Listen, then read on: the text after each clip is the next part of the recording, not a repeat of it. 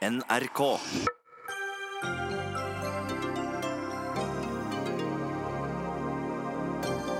Ny ramme for vindkraftutbygging får naturvernere til å steile. Må vi rasere urørt natur for å få ren energi? Rektoren ved Universitetet i Bergen mener det hadde vært interessant å høre fra holocaust-fornektere på universitetet. Universitetene bør ikke kaste bort tid og ressurser på enkeltmenneskers vrangforestilling, svarer student. Hvor redde skal vi være for meslinger i Norge?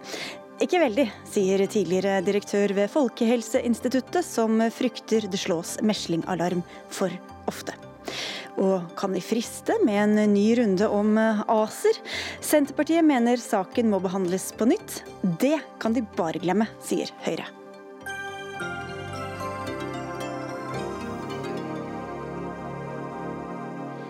God ettermiddag, dette er Dagsnytt 18, og mitt navn er Sigrid Solund. I det mye omtalte grønne skiftet trenger vi ny og grønn energi, det er alle enige om. Det er når vi diskuterer hvor og hvordan denne skal lages at uenighetene dukker opp. For etter at Norges vassdrags- og energidirektorat i dag pekte på 13 spesielt gode områder for å drive med vindkraft på land, har reaksjonene kommet på løpende bånd. Noen jubler, andre protesterer på det som ser ut til å kunne bli en utbygging også av uberørte natur- og friluftsområder. Og Frode Frode Støre Bergrim, du er daglig leder i Trondheims eh, turistforening, og ble ikke så begeistret for planen for Trøndelags del. Hvorfor ikke? Nei, Her i Trøndelag har vi fått bakoversveis i dag. Eh, tre av de 13 områdene som nå er foreslått innenfor den nasjonale ramma, ligger jo her i Trøndelag. Eh, det utgjør 40% av det arealet samla arealet som er lagt for nasjonal ramme.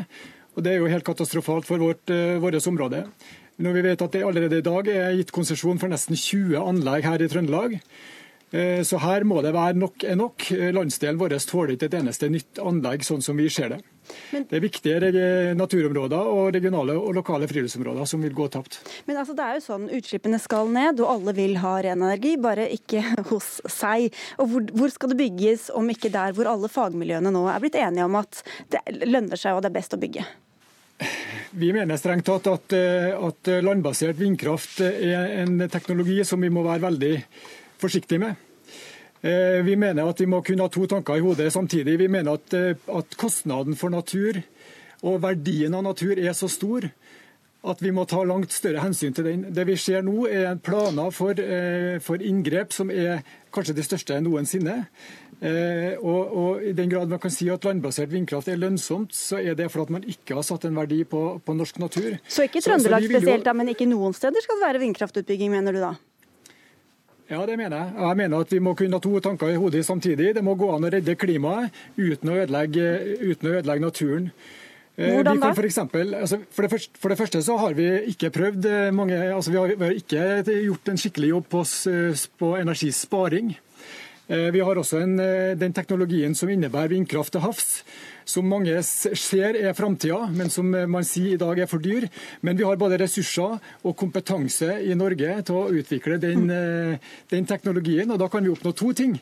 Vi kan produsere klimavennlig energi uten å ødelegge natur og uten å skape store konflikter. Og vi kan kanskje ut, utvikle et, et, natur, nei, et, unnskyld, et industrieventyr i Norge. Du, Vi skal komme litt tilbake til det. Vi takker av deg foreløpig, Bergrem, og går til deg, Kjetil Lund. Du er altså vassdrags- og energidirektør.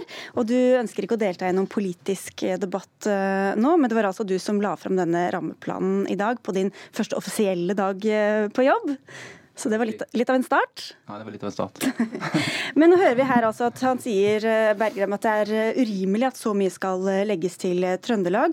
Hvor rettferdig er det denne fordelingen dere nå har sett på rundt omkring i landet? Nei, For det første som er kanskje det viktigste for meg å si, og som jeg har fått å understreke hele dagen, at dette er ikke en eh, utbyggingsplan. Dette er ikke en tempoplan eller noen ting som helst sånn som det.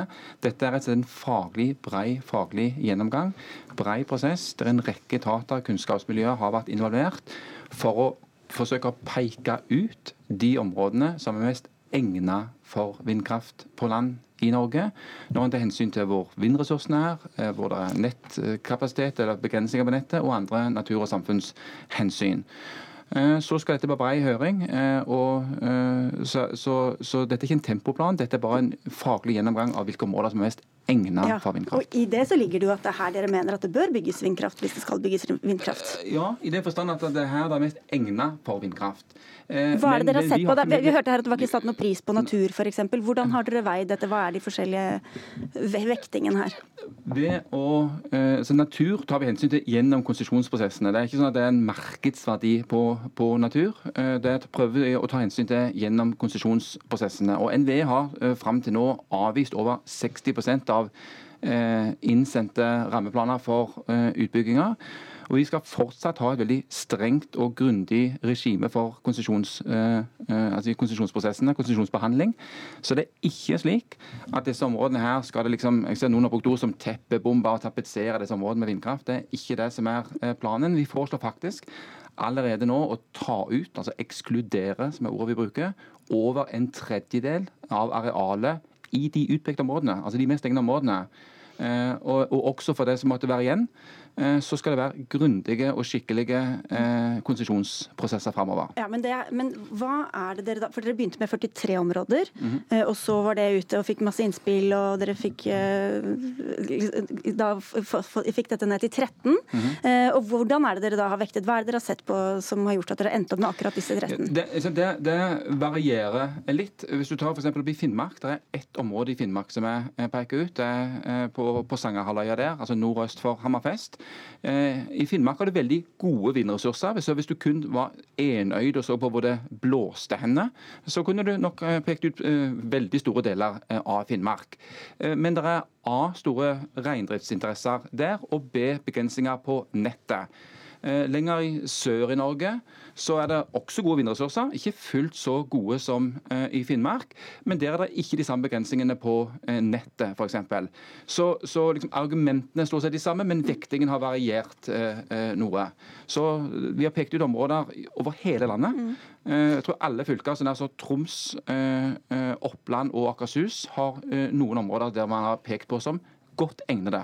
Men hvorfor tar dere også av urørt natur, i stedet for å bare bygge der hvor det allerede finnes enten vindkraft fra før, eller veier eller andre eh, eller annen, annen, utbygging?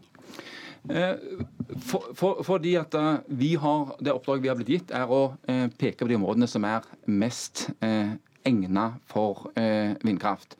Uh, og er, Da må du gå der så det er gode vindressurser, du må se der så det er nett, uh, og så må du vekte dette mot andre uh, hensyn. Så skal dette i en brei høring nå. og det er altså ikke sånn at det skal, med dette skal åpnes full rulle for vindkraft overalt her, men dette er de områdene som etter en brei faglig gjennomgang er de mest egnet. Du, bare før vi slipper deg, Det var nevnt her hvorfor man ikke har sett på dette med vindkraft til havs. Hvorfor mm. var ikke det en del av dette? Fordi at Det var ikke den del av det oppdraget vi fikk. Dette, det vi har levert på nå, var et konkret oppdrag om å øh, øh, peke ut de områdene som vi, etter en bred gjennomgang med mange berørte miljøer og etater, mente var de mest egnet eh, områdene for vindkraft på land. Det var den oppdraget som regjeringen ga. Ok. Du, takk skal du ha, Kjetil Lund. Eh, Silje Ask Lundberg, du er leder av Naturvernforbundet. Hva mener dere at dette kommer til å få å si for norsk natur, hvis det nå blir sånn at det blir bygget ut noe noe av det den rammeplanen legger til grunn for? Nei, Da er jo vi rett og slett bekymra for norsk natur. Eh, og vi har medlemmer og lokallag over hele landet, men særlig dem i både Trøndelag og Agder. Eh, er, er rett og slett utrolig skuffa i dag eh, over at man har valgt ut så vanvittig store områder. For det er særlig da i Agder og i Trøndelag. Og, og at man også gjør det da i områder som har viktige naturverdier, som er viktige for friluftslivet. Og, særlig da, hvis du ser på Trøndelag. Det som blir sagt fra DNT, det er jo, det er jo på sett og vis en, en veldig god beskrivelse. fordi de områdene som på en måte ikke nå skal inkluderes for vindkraft i Trøndelag, det er i hovedsak Fosen, som mm. allerede blir bygd. Sånn at eh, nesten hele det fylket er jo nå definert som eng, godt egnet for vindkraft. Og det er klart at det kommer jo til å resultere i at det er her da de nye søknadene kommer. Og så ja, så vil det være en konsesjonsprosess, men den har vi jo for å si det sånn, ikke nødvendigvis så veldig god erfaring med med tanke på norsk natur. Liv Lønnum, statssekretær i Olje- og energidepartementet. Hvorfor må vi akseptere Eh, en sånn eh, inngripen i naturen for å få den rene energien? Først og fremst har jeg lyst til å takke Kjetil Lund i dag for den overvekkelsen de har gjort. De har gjort et veldig omfattende og grundig arbeid med det faglige forslaget som vi har på bordet i dag. Og det er som Kjetil selv sier også, at dette er ikke noe på en måte utbyggingsplan eller bestemt at hvor mye som skal bygges ut. Hvis han har sagt det, så trenger ikke du å si noe igjen. Nei, men, men, det er viktig at vi forstår dette, at dette ikke er noe, noe teppebombing. Eh, regjeringen er for utbygging av fornybar energi, og vi har sett behovet for en overordnet plan og se dette som en helhet. Ja, men hvorfor, altså, hva, hva, er dere villige til å gå med på av, eh, for å si, bruke et ord som rasering, som blir brukt fra kritikerne her, da, for å få den rene energien som dere ønsker? Det er absolutt det vi ønsker å unngå ved dette forslaget som vi har bedt NVE gi oss, eller det kunnskapsgrunnlaget. Det er et kunnskapsgrunnlag, og det er utpekt noen områder. Og vi ønsker å legge det ut på en bred høring. Og det er klart at når, det, når den høringen er over, at vi i Olje- og energidepartementet skal ta stilling til hva vi anbefaler regjeringen skal være eh, politikken på vindkraft fremover. Lundberg, hvis man skal ha en satsing, så må det vel være en satsing som faktisk monner for å få den rene energien som alle etterspør. Og hvor skal man bygge da, og hva skal man gjøre hvis man ikke skal også tolerere visse inngrep i naturen? Altså For det første så mener jo vi kanskje at den måten man går fram og bygger vindkraft på i dag, eh, er feil.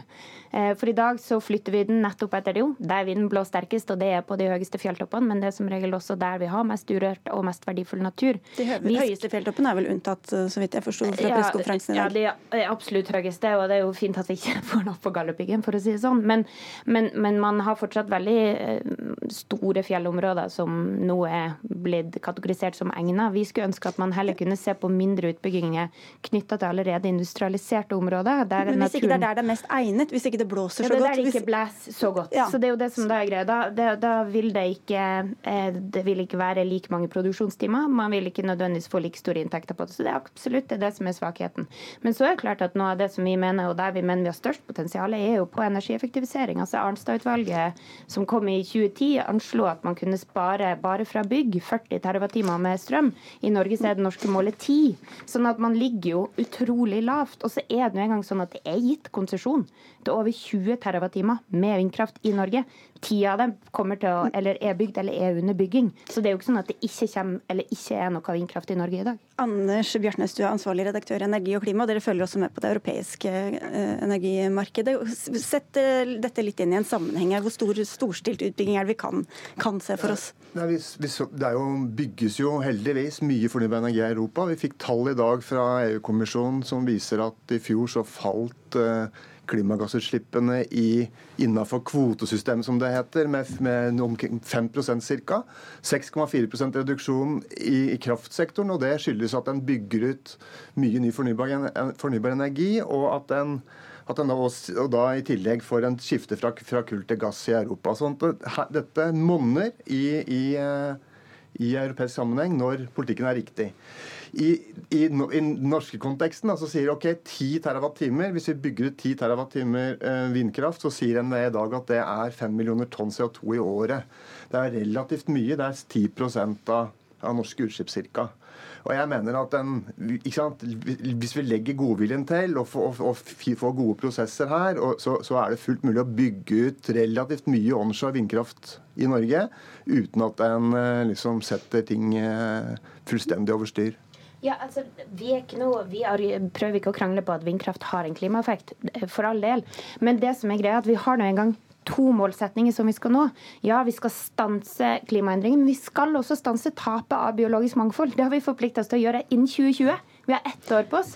Og det er mye av det som skjer nå. Og, og hvis man ser på de konsesjonene som er gitt altså I Trøndelag så, så er man i ferd med å tillate et vindkraftanlegg eh, som er i et eh, område som er kjempeviktig for Hubro. Og hvordan, hva er det avbøtende tiltaket? Jo, vindselskapet skal fòre opp Hubroen til å være et annet sted. Altså Den eneste andre arten vi har drevet og fôra opp, det er fjellreven. Og da har vi gjort det samtidig som vi har beskytta leveområdene. Her skal vi gjøre det for å ødelegge leveområdene. Her må vi forsøke å finne balansen. For Noen steder så kan vi ikke bygge vindkraft, andre steder kan vi gjøre det. Og så mm. er det, og så er det også, jo, men så er det også et poeng her med økonomien i det. og det er jo det at Bare for på noen få år så har vindkraft gått fra å være en subsidienæring til å bli en lønnsom næring. Det er en voldsom forskjell i løpet av en noen få år bare. Jeg skal bare nevne at Direktøren på Bjerknessenteret, Tore Furuvik, han tar til orde for å bygge vindkraft til havs i stedet for på land. Det hørte vi samme fra, fra Turistforeninga her. Lønum, hvorfor har dere ikke sett på dette samtidig som dere så på denne utbygginga på land? Altså, vi har sett på behovet for å se på en helhetlig utbygging av vindkraft i land, og det er det denne rapporten, eller forslaget ja, Men Hvor helhetlig blir det hvis man bare tar med det som er på land? Ja, så tenker vi at I forhold til vindkraft til havs, så er ikke det foreløpig lønnsomt. Og den teknologiutviklingen har ikke kommet like langt som vindkraft på land. Derfor så er jo det noe som nå vil komme videre fremover, og som vi også selvfølgelig må se på i den helhetlige utbyggingen av fornybar energi. Men jeg skjønte ikke helt hvorfor, altså, fordi om ikke det er kommet like langt, så kan man vel se på dette i en større sammenheng og, og se jobber, på det helhetlig? Vi jobber jobbe med det parallelt. Hvordan da? Altså, det er jo en teknologisk utvikling som går, men den er ikke kommet like langt. Derfor så tenk, mener vi at vi er nødt til å ut, bygge ut vindkraft på land mens vi venter på utbyggingen til havs. Venter på ja, det har jo vært veldig mye venting da, på utviklingen innenfor offshore vindkraft i Norge i ti år. Og Det er klart det er et helt annen, en sak som egentlig hører hjemme i en litt annen boks. For det er mer altså næringsutvikling, teknologiutvikling spiller en mye større rolle i forhold til Europa enn det som er mulig med det vi kan bygge ut. Vi ser det i andre land enn i Norge? Jo, men, de, men det koster jo da foreløpig relativt mye mer. da per kilowattime enn det det, enn det det gjør å bygge offshore vind på, på, land. Og så ser vi samtidig at det er veldig teknologiutvikling, særlig kanskje det fra norsk ståsted innenfor det som er flytende. Og der har jeg tenkt i mange år at her er det store muligheter til å få til bra ting og legge, legge mer kraft i det. Men det er på en måte næringspolitikk, næringsutvikling, teknologiutvikling mer enn det er billig kraftforsyning. Og Lundberg, tilbake til utgangspunktet litt her, for dere ønsker ikke disse utbyggingene på land, og dere er vel også mer skeptiske til disse havutbyggingene? Nei, vi er ikke skeptiske, men jeg bare mener at hvis man bare tror at så lenge det er til havs, så er det konfliktfritt, da narrer man Nei. seg sjøl òg, for der har du både der har du for det første fiskeriinteresser, ja. du har fugl, altså sånn at du har konflikter der òg. Vi, vi, vet at vi trenger energi framover også, og når vi samtidig, hvis dere får det som dere vil, skal trappe ned på olje- og gassvirksomheten, hvor skal vi da hente denne energien fra? Men utfordringa, hvis man ser i Norge nå, ja nå produserer vi masse mer fornybar energi, men det er jo likevel ikke sånn at i Norge så er utslippene i nærheten av å gå ned hurtig nok. Så det som er den største bøygen i, i Norge, er jo faktisk tiltakene som handler om å fase ut den fossile energien. Vi har drevet og bygd fornybar energi mer og mer hvert eneste år, men likevel så, så går jo ikke nødvendigvis utslippene ned i nærheten av raskt nok. Vi har fortsatt høyere utslipp enn i 1990. Så det som er, hvis man ja, skal få utslippene i Norge til å gå ned, så er det på tide å gjøre noe med norske oljevirksomheter. Ja, men der var det jo altså nå, ikke sant, den i mars 50% markedsandel på elbiler. Og de skal ha strøm. Og Statnett sier at sant, de trenger 20-30 TWh. Jeg husker ikke akkurat tallet på hvor mye ny, eh, ny, fornybar strøm vi trenger i Norge i løpet av nærmeste åra for å klare den avkarboniseringa som vi skal gjøre her. Og da må vi ta det et eller annet sted fra. Ja, da er vi helt avhengig av langt mer energieffektivisering. Der er det norske tempoet utrolig dårlig. Og hva er tempoet her framover, Lønnen, på denne rammen som er lagt fram i dag? Ja, nå har vi jo bedt om en, en lagt den ut på høring i dag, med en frist på 1.8. Eh, hvor vi ber om innspill fra alle involverte. Kommuner, fylkeskommuner, interesseorganisasjoner og bransjen også, selvfølgelig. Eh, og så vil vi bruke den tiden vi trenger for å kunne gjøre en god vurdering, fordi det er viktig å gjøre et, et godt arbeid og få til en god plan eh, for vindkraftutbygging. Da skal vi takke alle. Jeg så du trippa litt her, Kjetil Lund. Du må venne deg til dette å være byråkrat nå, vet du. Takk skal dere ha alle sammen for at dere kom. Kjetil Lund og Frode Støre Bergrem, Silje Lundberg, Liv Lønnem og Anders Bjartnes. Dagsnytt 18 alle hverdager klokka 18.00 på NRK P2 og NRK2.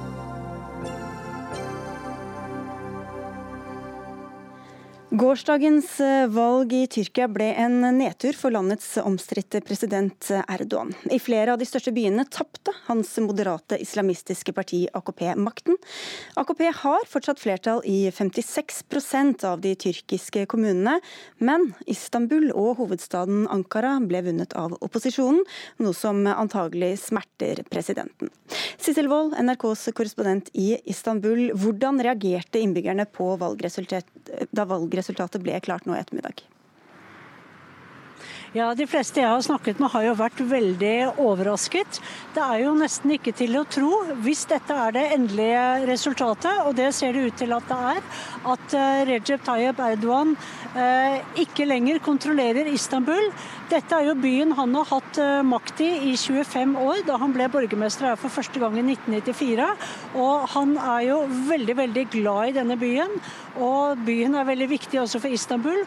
Og i I valgkampanjen så sa Erdogan at eh, den som kontrollerer Istanbul, kontrollerer Tyrkia. Mm. Men det var veldig spennende her i morges, fordi at eh, opposisjonskandidaten Imamolo sa at han hadde vunnet, men det sa også AKPs parti, altså Erdogans kandidat Binali Yildirim.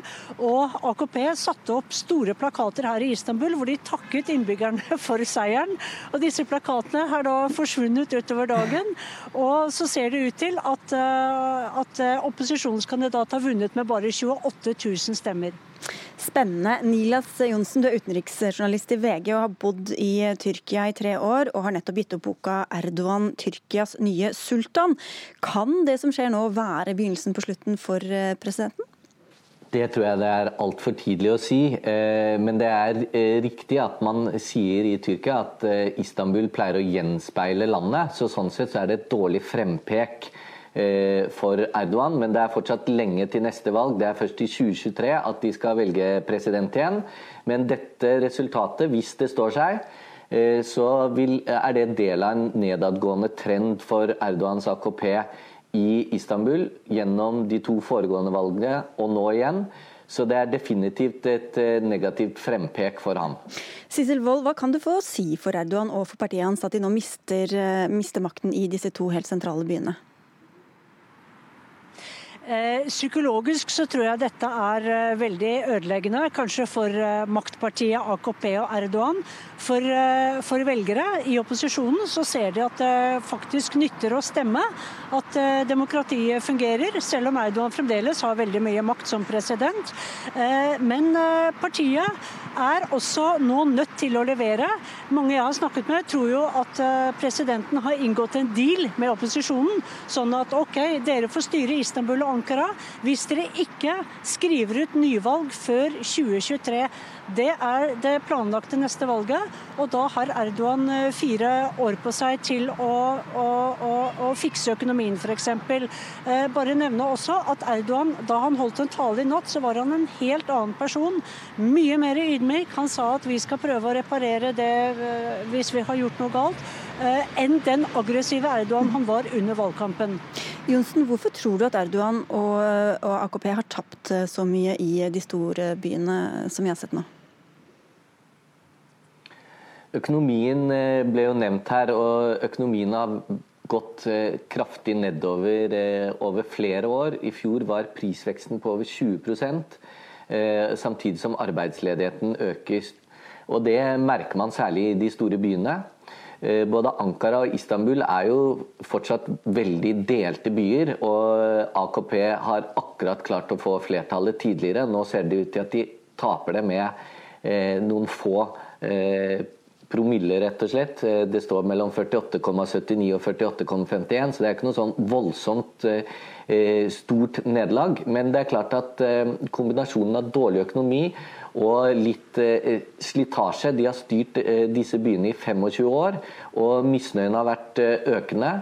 Og nå, til tross for at valgene ikke kan sies å være så veldig frie, fordi opposisjonen får ikke delta i media på samme måte, så, har, så ser det da ut til at han taper de store, viktige byene. Og det er en positiv overraskelse, vil jeg si, for demokratiet for Tyrkia. Det er definitivt bra, og at eh, man ser at demokratiet faktisk fungerer. Og Hva slags parti er da dette opposisjonspartiet CHP, det republikanske folkepartiet, som har vunnet eh, makten i Ankara og Istanbul? Dette er jo partiet som ble dannet av Tyrkias landsfader Atatürk. Det er et sekulært parti. De appellerer primært til middelklassen. De har pleid å ha mellom 25 til 30 i alle valgene i, i, flere, i, hele Erdogans periode. Og nå eh, er de oppe på rundt 30% på landsbasis, så de har gjort et veldig bra valg. Samtidig som Eh, for Erdogan så har hans allianse fortsatt eh, flertall, men eh, allikevel så vil det fremstå som en svekkelse for ham at, han disse, at partiet hans mister disse to viktige byene. og Det er nok derfor han fremstår litt mer ydmyk. Vi vil nok få se en annen Erdogan igjen når det begynner å nærme seg presidentvalg i 2023. Ja, og Fram til da, Sissel Wold, hvordan kan opposisjonslederen og partiet hans bruke denne seieren? Ja, det er veldig interessant. For i valgkampen så har man jo trodd at det bare er én kandidat, og at det er Erdogan. Man har jo ikke sett så mye til de andre. Eh, men nå har jo CHP, det opposisjonspartiet, en sjanse til å vise hva de er gode for. AKP, som har styrt eh, Istanbul i så mange år, har virkelig levert på varer. Søppeltømming, eh, vannforsyning, alt går veldig bra her. De leverer bra på tjenester. Det må CHP også vise at de gjør. Og så må CHP bli klarere på hvilken politikk de ønsker å føre. Og så må de komme opp med gode kandidater som eventuelt kan stille opp mot Erdogan i 2023, om de ønsker å utfordre han om presidentembetet. Men Sissel, ved forrige valg da snakket vi mye om kurderne og deres parti HDP. Eh, Hva, hvor sto de i dette valget? Ja, Det kurdiske, prokurdiske partiet HDP har det jo ikke lett. Veldig mange av deres ordførere er, ble avsatt, og partilederen sitter i fengsel. Eh, de har ikke stilt med egne ordførerkandidater, eh, og, men har heller bestemt seg for å støtte CHP. Derfor er deres parti nærmest utradert, fikk bare 3-4% mens sperregrensen her i Tyrkia er på hele 10 da sier vi takk til dere, Sissel Wold i Istanbul, og til deg, Nilas Johnsen, som også er utenriksjournalist i VG.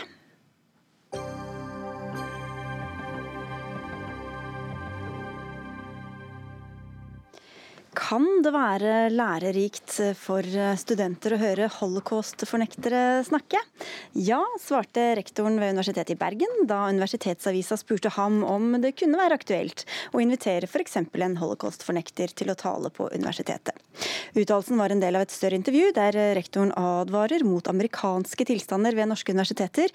Disse tilstandene innebærer da at studenter ikke tåler kontroversielle og ubehagelige meninger. Og Aksel Klandre, du er student ved Universitetet Universitetet i Oslo og reagerte på dette på kronikkplass i Nyhetsavisen for eh, høyere utdanning og forskning, Krono. Og blant annet så skriver du at det er bortkasta tid å skulle invitere holocaust-fornektere. Hvorfor er det det? Det mener jeg, fordi holocaust-fornektere har allerede bevist at de er såpass separert fra virkeligheten at jeg føler ikke det er noe universitetet skal bidra til. og gå med på slike ja, vrangforestillinger, rett og slett. Da. Men må man gå med på det for å høre hva det er som har fått dem til å lande på denne fornektelsen? Jeg tror ikke du finner noe godt svar. Jeg tror du heller bør invitere en, for en psykiater eller en ekstremismeforsker. Jeg tror ikke folk som er inni disse vrangforestillingene, forstår helt de psykologiske mekanismene bak. Så jeg vil heller tro at det er bedre å invitere en ekspert. Mm. Debatten i seg selv er interessant. Det er interessant hvorfor mennesker Eh, får disse eh, ekstremistiske holdningene. Men å debattere selve eh, vrangforestillingen med dem, det er en annen sak. Da får vi høre fra premissleverandøren selv, Dag Rune Olsen. Du er altså rektor ved Universitetet i Bergen og er den som kom med denne uttalelsen. Du sier du altså frykter amerikanske tilstander, som f.eks. motstand mot kontroversielle akademikere og meninger som bryter med det politiske korrekte. Her har vi jo sett en, en rekke eksempler fra amerikanske universiteter. Men hvor stort eh, problem er dette egentlig i Norge? Nei, I Norge så er det fortsatt heldigvis ikke et vesentlig problem. Men det er noe som rører seg globalt. og jeg kan bare fortelle at eh, En rektorkollega av meg var for få dager siden på et eh, kurs i risk management, som det heter, på Harvard. Og en av de største risikoene rektorene hadde identifisert, det var rett og slett tap av inntekter ved at studenter slutter og dermed ikke betaler, fordi at de har en del eh, forelesere, lærere, som, som, tar opp kontroversielle tema. Så spørsmålet hvor lenge har de råd til å være prinsipielle? Derfor så tenker jeg det er en interessant debatt i seg selv, som ikke berører Norge spesifikt her og nå. Kunnskapsfornekting og den type ting må vi tørre å ta tak i. Ja, og da er jo spørsmålet da, Hva tjener man på å eventuelt invitere f.eks. en holocaust-fornekter mm. til å tale ved ditt universitet? La meg først si at Vi inviterer aldri noen til å tale og la de få snakke uimotsagt, debattere osv. Vi ønsker alltid å legge til rette for at eh, en diskusjon, ja, den medfører bryning av argumenter mot hverandre. Så Det er nå det ene premisset. Det andre er at det er ikke nødvendigvis interessant å, å forsøke å invitere én holocaust-fornekter eller fornekter av klima eller vaksine eller hva det måtte være, for å, å, overbevise vedkommende. Men det vi trenger å forstå, det er i større grad hvorfor er det slike fornekter faktisk kunnskap. Vi har holocaust, vi har klima, vi har vaksine. Vi har en del store samfunnsområder hvor kunnskap er helt avgjørende for at vi skal greie både få til gode beslutninger, god politikk osv. Og, så og da må vi forsøke å forstå hva er det som gjør at noen tar avstand fra det vi objektivt både vet og ser er faktisk kunnskap. Ja, Klandre, hvorfor skal vi snakke om dem, men ikke med dem, hvis vi vil skjønne hva som foregår inni hodet på dem? Fordi jeg tror ikke de forstår det helt selv. Jeg tror det er veldig mye som skjer ubevisst med mennesker, at mennesker opp, øh, oppsøker ekstremistiske holdninger. da det er mange ting som ligger bak. Det er en grunn til at de oppsøker det. Kanskje Jeg skal ikke spekulere i hva det er, jeg er ingen psykolog. Men jeg vil ikke tro at de som ikke har innsikt nok i sin egen syke til å forstå hvorfor de gjør disse tingene, evner å gi noen gode svar. Jeg tror at gjennom samtale, dialog, debatt, så presenterer man ikke bare argumenter. Og vi bryner argumenter på hverandre. Men vi får også ganske god innsikt i hvordan folk tenker. Altså måten de bruker argumenter på, måten, måten de eh, møter motargumenter på. Og jeg tror genuint at det er viktig for oss å forstå hvordan slike faktisk greier å sette faktiske kunnskap til side. Det kan være alvorlig. Kanskje ikke for de som går rundt og tror at jorden er flat, det er ikke så veldig farlig. Bortsett fra at det er kjipt for de.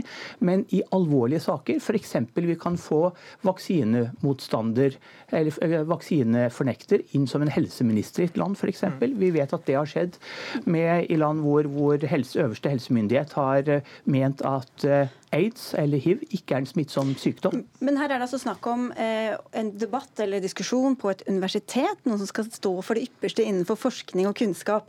Hva er det de da har å, å, å tilføre, noen som aktivt motarbeider den samme kunnskapen? De har ikke noe å tilføre når det den faktiske kunnskapen. Den har vi forskere som kan. Innenfor historiefaget når det gjelder holocaust. Innenfor infeksjonsfaget. Altså, hva slags innsikt er det de skal komme med, da? Måten de tenker på. Hvorfor de greier å, å parkere rasjonell viten. Fordi det er så viktig i et kunnskapsbasert samfunn at kunnskap blir tatt i bruk, satt eh, pris på, verdsatt osv. Og så vil det være noen som da tenker helt annerledes. Det kan være politiske, ideologiske forhold. Det kan være eh, kanskje en sjelden gang at de ikke har kunnskap nok, men tvilsomt. Men det kan altså være andre forhold som gjør at de parkerer dette, og må, det må vi forstå. Men det blir litt sånn, Klandra inne på her, at det blir en slags sånn offentlig psykiater- eller psykologteam på scenen? da? Nei, det vil jeg nå eh, ta avstand fra. Eh, sånn hvordan, det, hvordan blir det ikke det, da? Hvis, de, hvis det eneste man, eller grunnen til at man skal høre på dem, er at de skal måte, komme med sine vrangforestillinger eller eh, altså, det som, ikke, som, som, du mener egentlig ikke stemmer? Ja, altså Vi har masse debatter hvor vi setter ulike synspunkter opp mot hverandre. og folk... Eh, ja, men Det er ikke synspunktene du vil høre? Nei, men altså gjennom argumentasjonene som de eh, legger fram, så vil, vil, man få mer innsikt i hvordan de tenker. Altså, det er ikke sånn at jeg ville invitere de til å reflektere over egne vrangforestillinger. Det tror jeg vil være et forkjært sp spørsmål å stille. Ja. Nei, jeg, jeg, En ting jeg syns er en ulempe med det, er at det setter en presedens hvis vi begynner der. Eh, på en måte skal det ikke være noen rammer for hva vi skal ta. Eh, du sa at skal, så lenge det er innenfor lovens rammer, skal vi ta det. Men det er jo ting som er egentlig relativt uinteressant, selv om det er innenfor lovens rammer, eh, som egentlig ikke har noe på et universitet å gjøre. Et universitet skal være for kunnskap som på en måte driver oss litt framover. Vi har på en måte lagt en del ideer på historiens skraphaug. Vi trenger ikke å dra opp alt mulig som alt alle mennesker tror på. selv om det er noen som gjør det. Hvis vi ser på konteksten her, som var det konteksten som intervjuet ble gitt i, nemlig denne utviklingen vi ser i andre land, som særlig mm. USA, er, frykter ikke du den samme utviklinga? Den utviklingen er ikke det samme som å invitere holocaust-fornektere. Det er to forskjellige ting. Den utviklingen handler om hårsåre studenter som vil bli spesialbehandlet. Det er jeg selv ekstremt uenig i. Men de vil, en, de vil, ikke lære pensum, de vil kontrollere professorene sine til å uh, skifte standpunkt på ting. Men å gå fra der til å invitere folk, gå fra én form for ekstremisme til en annen form for, for, for ekstremisme, ikke sant? Uh, det er ikke så veldig mye mening for min del. Hvor er logikken? Nei, Da vil jeg jo utfordre deg, fordi du skriver i innlegget ditt at uh, frykten for knebling av ytringsfriheten og ytringsrommet, den er oppblåst og er kanskje ikke til stede i Norge. Og så du mens den samme frykten vil det i verste fall bidra til at mennesker med stort skadepotensial mm. slipper fram. Og da tenker jeg, ja, Skal jeg bestemme hvilke meninger som er skadelige? Er det det som er universitets rolle? Å ja, bortdefinere si dine meninger som si, skadelige? Nei, men meninger, jeg vil jo si de meningene som får andre folk drept. Da. Det som fikk et helt land til å slakte seks millioner jøder. Jeg vil si det er en skadelig idé. Men det å forsøke å forstå hvordan de tenker og hvorfor ja, og de kan vi, fornekte dette Det har vi psykiatere for, ekstremismeforskere for, psykologer. Ja, Disse menneskene skjønner ikke. Jeg tror ikke du ville kommet Jeg tror ikke vi spørre Hitler hva, hvordan han tenker. Nei, det, jeg tror ikke du ville fått et godt svar. Det tror jeg ikke vi har tenkt på. Ikke fordi han ikke er blant oss lenger, men fordi at det er nok ikke den riktige problemstillingen i en sånn debatt. Jeg tenker som jeg var inne på tidligere, altså når folk argumenterer, hvordan de møter motargumenter, de, hvordan de velger argumentene sine, det forteller mye om de rett og slett ikke har faktakunnskap, som nok ikke er tilfellet med holocaust-fornektere. Men f.eks. ideologi, og ja, da er det viktig å trekke fram f.eks. disse vaksinemotstanderne hvordan kan disse konspirasjonsteoriene få, få, blomstre, og hvordan kan utvikle seg. Vi vet noe, men vi vet, vet ikke alt. For så vet vi at mange som eh, tar avstand fra eller mener at, at vaksiner er farlig, de er faktisk ganske høyt unna utdannet. Noe vi kanskje i utgangspunktet vil mene er rart. Du sa du ikke skulle sitte og bestemme hva som skulle være farlig eller hva som skulle være forbudt. Så du, du, det er ingen grenser for hvem du ville invitere til eh, universitetet? Jeg spurte deg i forbindelse med det du hadde skrevet som stort skadepotensial, og da spør jeg hva, hvem er det som egentlig skal bestemme men, hvilke men mening som er riktig. Ja, Vi har ja. sagt at uh, vi har et stort takhøyde, og det viser jo for så vidt en, en liberal uh, verdiforankring hos oss. Men det som er utenfor norsk lov, det tar vi naturligvis uh, avstand fra. Ok, vi får la det bli siste ord. Her var det mye vi kunne fortsatt med å diskutere. Vi får gjøre det hvis dere inviterer en holocaustfornekter f.eks., så kan du ønske dere velkommen tilbake. Og si takk for denne gang Dag Rune Olsen, som også er rektor ved Universitetet i Bergen, og Aksel Klandre, som er student ved Universitetet i Oslo. Música Det tok 14 timer mer enn fristen de hadde satt, men i ettermiddag ble LO og NHO enige om årets lønnsoppgjør. Resultatet en lønnsvekst på 3,2% for arbeidstakere i privat sektor. Og Cecilie Langen Becker, du er økonomikommentator her i NRK. Det er altså et eh, mellomoppgjør i år, og det betyr at de bare forhandler om penger, ikke om pensjonsavtaler eller andre lignende saker. Så hvem av partene kan være mest fornøyd med det de gikk ut med i dag?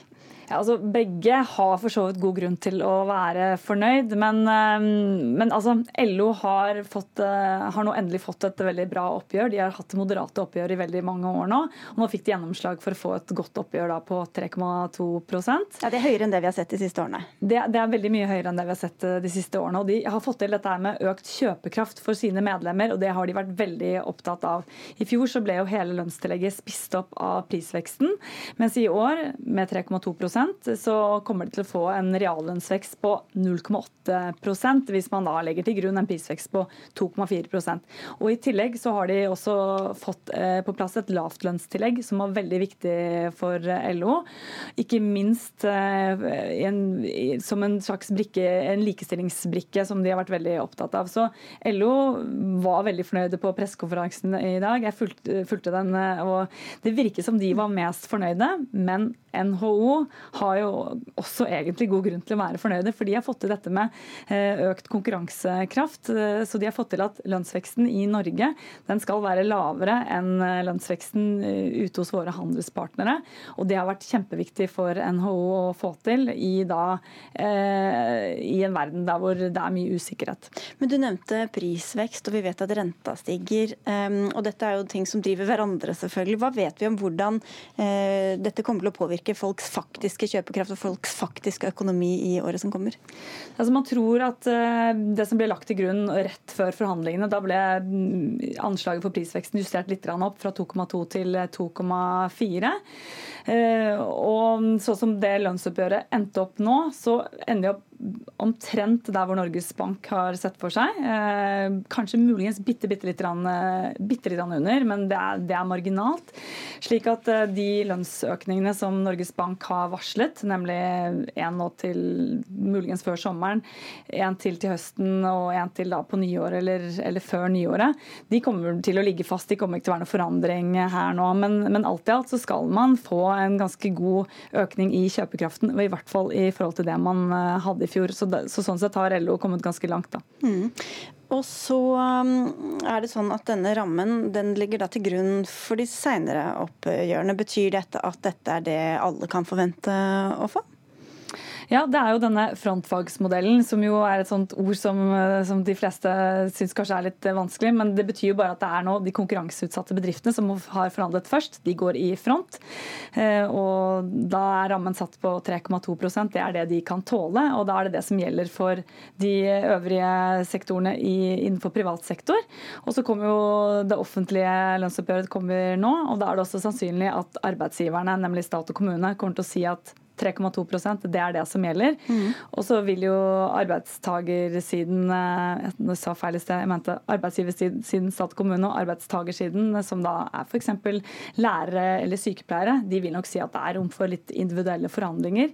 Men rammen har holdt de siste fire årene, så det spørs om de, de klarer å få noe mer ut. Og når eh, og hvem er nestemann ut? Oh, det var et godt spørsmål. Det, um, Dette hadde vi ikke avtalt på forhånd. Nei, det hadde ikke avtalt, så det, var et lurespørsmål? Det var et lurespørsmål, så det er jeg ikke helt sikker på. Takk skal du ha, Cecilie Langenbecker. Vi ses her en annen gang. Hør Dagsnytt 18 når du vil. Radio NRK Radio.nrk.no.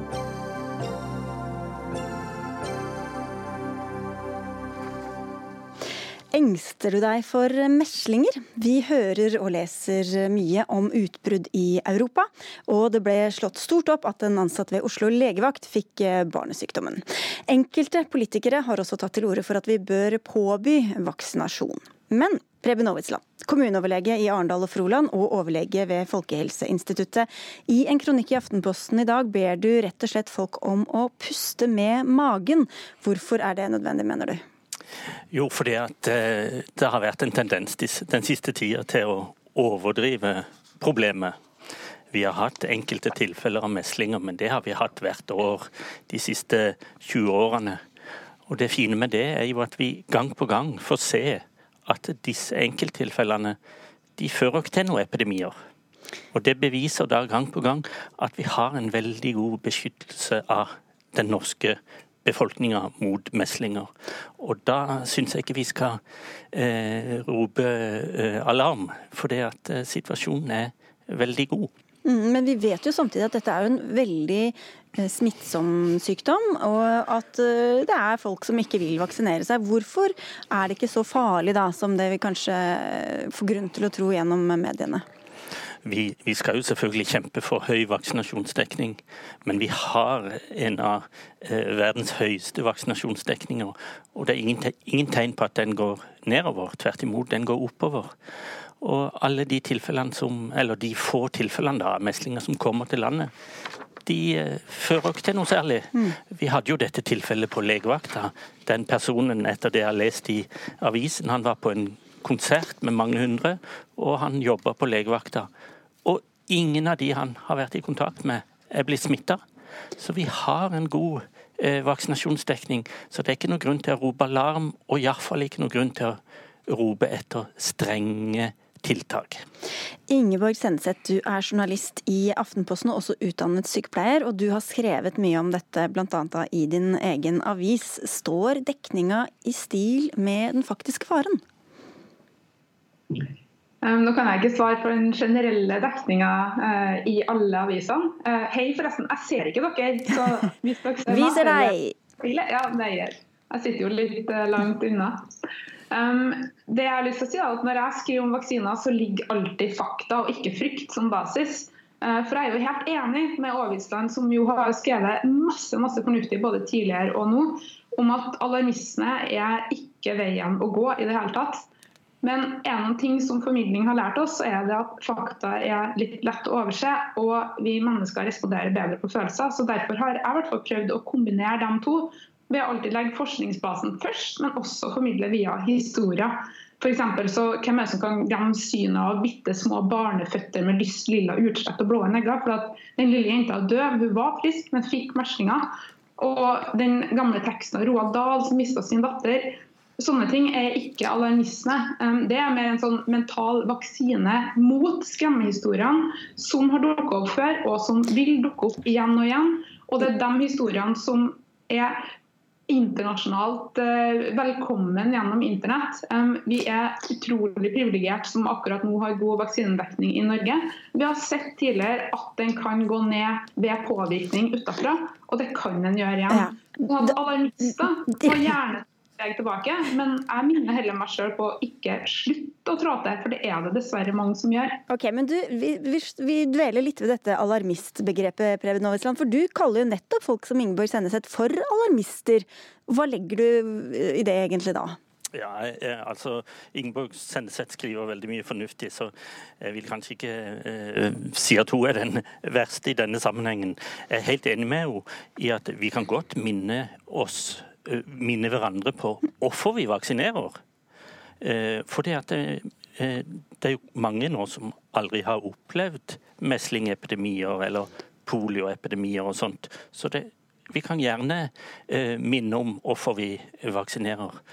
Men jeg er redd for at hvis, hvis man nå sier at situasjonen i Norge det, det, er liksom like før vi blir som Ukraina eller Romania eller Italia, så kommer politikerne løpende, og så vil de ha obligatorisk vaksinasjon, og de vil ha utestenging av barn fra barnehaver og skoler osv. Og, og, og da risikerer vi å forstyrre det fine programmet vi har, der tusenvis av helsesøstre hver dag jobber for å vaksinere barn, og jobber for å overtale de foreldrene som er i tvil, fordi de har lest mye rart på internett. Men ved du sier at nå må vi puste med magen og dette er ikke så farlig som det det kan virke som, hvilket signal sender du da til de som kanskje ikke egentlig ønsker å vaksinere barna sine mot meslinger? Eh, jeg sender et signal om at vi som, eh, som helsepersonell og, og, og, myndigheter eh, bør være ærlige og, og redelige i vår kommunikasjon og fortelle hvordan det er. Meslinger er en litt alvorlig sykdom, men problemet med meslinger er først og fremst den store smittsomheten, som gjør at mange blir smitta med en lite alvorlig sykdom, men noen få vil da eh, bli, eh, få alvorlig sykdom. Men Senneset, tror du at du også kan bidra til å gjøre folk reddere enn det det egentlig er grunnlag for å være i Norge? Eh, når jeg skriver, så får jeg tre typer tilbakemeldinger. Eh, det første er fra en bitte, bitte liten leir som har veldig mye mot eh, det jeg skriver om. Og De kan være ganske støyende og skremmende, men de er forsvinnende, forsvinnende få. Men de lager mye lyd. De andre er usikre og feilinformerte. Og De stiller jo nysgjerrige spørsmål ofte, og de vil vite mer av de tingene som vi sier om. Og Den tredje, som er den aller, aller største gruppa, det er folk som er takknemlige fordi at de får argumenter å bruke overfor venner og kollegaer. Og det er helsepersonell som har fått ting de kan bruke utad, som henger opp kommentarene på eh, helsestasjonen, fordi at de bruker dem til å få en dialog. Og dialog er jo på en måte nøkkelordet her, selvfølgelig. Men jeg syns at vi skal være litt forsiktige med å være så høy i hatten på det at vi tror at alt går bra fremover i Norge osv. Jeg håper jo det gjør det. Men jeg tror at det er viktig at vi opprettholder den informasjonen. fordi at Det er jo ikke bare sånn at det er sånne hardcore motstandere som er grunnen til at folk ikke vaksinerer. WHO eh, deler dem opp i tre grupper. og Da er det noen som er feilinformert, noen som er religiøse og noen som ikke forholder seg til det. Ja. Men det er mer enn det. da. Det er populisme, det er kjendiser, sosiale medier. Sånne syndere er det rundt omkring. Men la meg bare, Det er vanskelig når vi sitter i hvert fall sted, Senneset, men bare for å ta Det går fint. Bare for å ta proporsjonaliteten her. Ifølge Folkehelseinstituttet er influensa den infeksjonssykdommen i Norge som rammer flest, og som gir størst sykdomsbyrde i form av sykehusinnleggelser og dødsfall. Og vaksine peker de da på som det viktigste folkehelseinstituttet, men, nei, folkehelsetiltaket. Men vi leser jo veldig lite om alle disse dødsfallene, og, og hører lite om pålegg om influensavaksine. Så hvor proporsjonalt er denne alt dette snakket om meslinger og meslingvaksine kontra hva som faktisk tar liv i Norge? Da må de lese litt mer Aftenposten. Jeg har skrevet masse om influensavaksine. For influensa er i høyeste grad et virus vi må ta på alvor. Jeg har bl.a. skrevet en kommentar hvor jeg begrunner hvorfor et aggressivt influensavirus er mye mer skremmende enn f.eks. hiv. Men man kan ikke drive og vekte sånt opp mot hverandre, for det er veldig forskjellige ting med en sesongvaksine og en grunnmur i barnas immunforsvar. Det siste er helt nødvendighet og bør være en rettighet. Og jeg mener at Det bør heller være obligatorisk for foreldre å sørge for den retten for barn. Så det burde i hvert fall ikke het tvang, men heller et privilegium og en plikt. Da tror jeg dere blei enige til slutt, ja. Preben Aavitsland, eh, hvis jeg leser dere rett? Ja, jeg tror vi er ganske så enige, og jeg er helt enig med Ingeborg at det er noen forsvinnende få ekte eh, vaksinefornektere der ute. Og jeg tror ikke vi skal gi de for, eh, for stort rom, sånn som dere diskuterte i den forrige debatten her. Eh, og vi skal være forsiktige med å tenke at alle som er uvaksinerte, egentlig er konspirasjonstenkere. De fleste er nok nølende og usikre og trenger vår støtte. Dette blir helt sikkert mer om en annen gang. Takk skal dere ha begge to. Preben Aavitsland, som også er kommuneoverlege i Arendal og Froland, og til Ingeborg Senneset, journalist og utdannet sykepleier. Takk skal dere ha.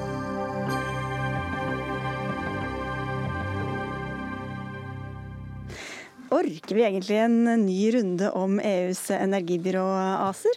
Saken ble debattert i Stortinget, i avisspaltene og her i NRK store deler av fjoråret. Og nå er Senterpartiet altså lysten på en runde til, og mener det er på sin plass. For eh, Sigbjørn Gjelsvik, du er altså finanspolitisk talsperson i Senterpartiet. Vi er jo knapt kommet over forrige runde. Hvorfor er det på tide med enda en? Jeg skulle ønske at vi slapp å diskutere her på nytt, og at det hadde vært avvist for lenge siden. Men det handler jo om eh, kontrollen over norsk energipolitikk. altså Det å ha kontroll og eierskap over norske energiressurser er utrolig viktig. Det har vært viktig for verdiskaping og arbeidsplasser i hele landet i generasjoner. Og med EUs tredje energipakke så sørger en for å gi vitale deler av norsk energipolitikk kontrollen over den til EU. Og så er det knaggen hvorfor det nå er på tide, mener dere, å ta en ny runde? Ja, Det er jo ofte at mens stortingsflertallet i Norge eh, hasta gjennom vedtaket i fjor, for at en så at en hadde en sterkt voksende opinion i Norge, bl.a. internt i Arbeiderpartiet, så hasta en gjennom vedtaket. Mens på Island så har jo de bevilga seg tid. Saken er fortsatt ikke lagt frem fra regjeringa, men de har altså forhandla frem en erklæring politisk eh, med EU som sier noe om hva slags eh, virkning eh, ACER skal ha for islendingene sin del. Og Det samme burde jo Norge ha gjort for norsk del. Fordi at Arbeiderpartiet stilte jo i sin tid såkalt ufravikelige krav for å kunne gå inn på en sak her. Så ble de kravene utvanna i en avtale med regjeringa, og til slutt ble det sendt EU til orientering. Altså ikke noen forpliktelser fra EU i hele tatt. Så det burde en ha gjort fra norsk side, og komme tilbake igjen til Stortinget med en ny behandling. Vi har ikke Arbeiderpartiet, men vi har en representant for et regjeringsparti. Lene Westgård-Halle, du er altså medlem av energi- og miljøkomiteen og sitter på Stortinget for Høyre. Hva sier du nå, en ny runde om ACER frister det? Nei, altså Det er jo litt typisk eh, Senterpartiet å ta omkamper og ønske å reversere. og Veldig mye av det Gjelsvik sier her er jo ikke riktig. Eh, for det, det, stemmer jo ikke at vi ikke har kontroll over egen kraft. Det har vi alltid hatt. Det kommer vi alltid til å ha. Og det er lagt inn også knyttet til behandlingen av dette her. Eh, nå har ikke ACER noen myndighet til å overta kontroll over vår kraft i utgangspunktet, men for å være 100% sikre, så er jo det lagt inn i den erklæringen som det snakkes om. Og Så sier Gjelsvik at vi har hastet frem. Vel, altså det er mulig det er det i Senterpartiets verden, men dette ble vedtatt i EU i 2009. Vi vedtok det, eh, fikk det gjennom da etter ganske lange runder i Norge i 2018. Jeg vil ikke kalle det å haste seg frem. Og Vår erklæring eh, som vi har utarbeidet sammen med Arbeiderpartiet, er jo svært tydelig. Den sier at det skal være nasjonal norsk styring og kontroll over vannkraftressursene, og at det offentlige eh, eierskapet til norske vannkraftressurser skal ligge fast. Eh, så det Gjelsvik sier er jo ikke riktig. Dette er tydelig, det er ufravikelig, det er oversendt til EU. og Grunnen til at dette ikke er eh, vedtatt, som han kaller det, er jo fordi vi ikke har gått inn i dette byrået ennå, fordi vi venter på Island. Ja, men, men Gjelsvik, det, dette som Island faktisk har fått skrevet ned, hvilken praktisk betydning har det om noen i det hele tatt? Nei, altså Det har jo ikke juridisk eh, bindende virkning. Sånn at Det er jo et øyeblikksbilde. Eh, sånn at Hvis EU-domstolen kommer med andre vedtak i, i morgen enn det som EU-kommissæren har signert på i dag, så er det EU-domstolen sitt vedtak som er gjeldende. og Derfor er jo det uklokt det hele tatt å gå inn på ACER. Men, altså, det, men, jo, sånn da? Jo, men allikevel det som islendingene har forsøkt jo og politiske fra EUs side får få uttrykt hva EU mener om de krav som islendingene stiller for å kunne slutte seg til. Det har altså ikke Norge gjort. Den eh, avtalen som eh, Halle Westgård viste til fra, mellom Arbeiderpartiet og regjeringspartiene, er altså bare sendt EU til orientering. Så ble det mye rabalder ut av det, og da tok en et møte med EU. Og så har regjeringa sjøl meldt tilbake til Stortinget at det som en har fått av svaret fra EU, er at de har notert seg budskapet. Det er jo langt unna å ha fått noe så helst slags forpliktelser fra EU politisk på hvordan de ser på det her. Ja, altså Med respekt å melde så er jo dette bare tøv. Altså Denne erklæringen er jo eh, vedtatt i Stortinget av Arbeiderpartiet, Frp, Høyre og Miljøpartiet De Grønne. Den erklæringen er jo oversendt til eh, du må gjerne kalle det til orientering til EU. og Grunnen til det er jo at vi ikke er medlem, eller vi ikke er gått inn i, gått inn i ACER ennå. Altså, vi er jo sånn, altså, EØS fungerer jo sånn at når vi skal gjøre noe sammen, så vedtar vi det i hvert enkelt land.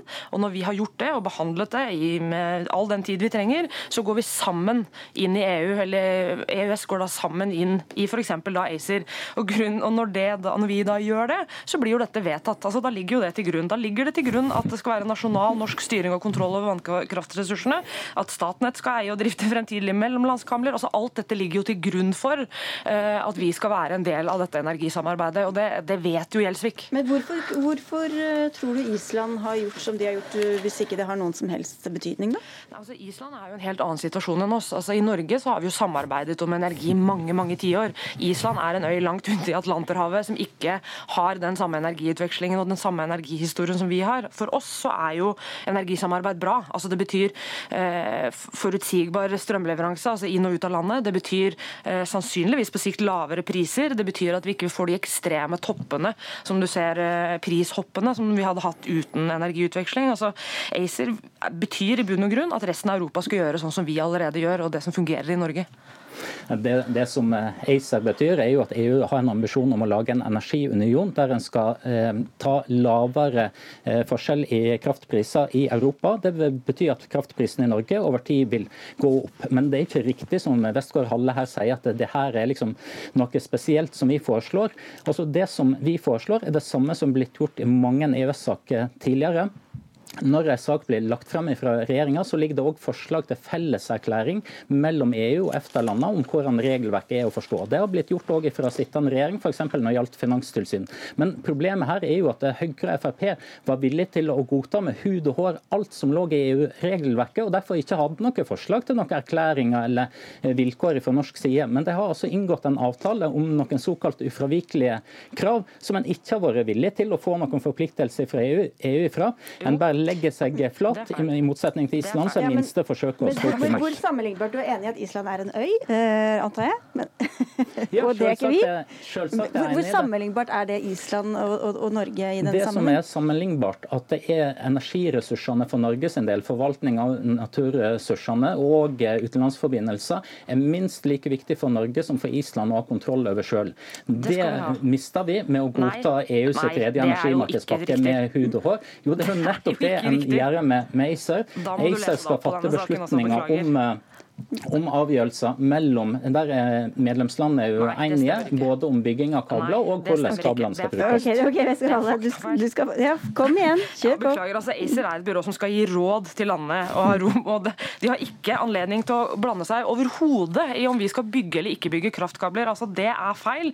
Eh, og, og beklager også, men litt uh, faktakunnskap tenker jeg at vi skal legge til grunn for en Nei, sånn debatt. Hva er det som er feil, da? Altså, det at ACER eller EU skal styre hvilke kabler vi skal bygge eller ikke, det er utelukkende norske beslutninger som ligger til grunn for det. Vi har kontroll over norsk, og norsk eh, styring over vannkraftsressursene. Vi, eh, norske myndigheter, har full kontroll over avgjørelsene eh, med betydning for energiutveksling i Norge. Altså det, EU kan ikke overstyre det, og det vet Gjelsvik og det vet Senterpartiet, men han ønsker å spille på frykt. Han ønsker å villede fordi det gagner Senterpartiet politisk. Men, men, og beklager, men det er ikke denne debatten verdig. Men det som er veldig spesielt er at en fra norsk side ikke har vært villig til å få EU til å signere på det som en mener er selvsagt fra, fra norsk side. Det har islendingene altså, det har ikke Norge Det blir jo vedtatt når vi kommer når, altså når, det, det, Dette forklarte jeg. Det er oversendt til orientering, som vi gjør i alle sånne saker. Det kommer til å ligge til grunn når vi blir en del av ACER, som vi gjør i alle andre EØS-saker. Det er sånn EØS funker. Ok, dere, Vi fikk veldig sånn 2018-følelsen her nå.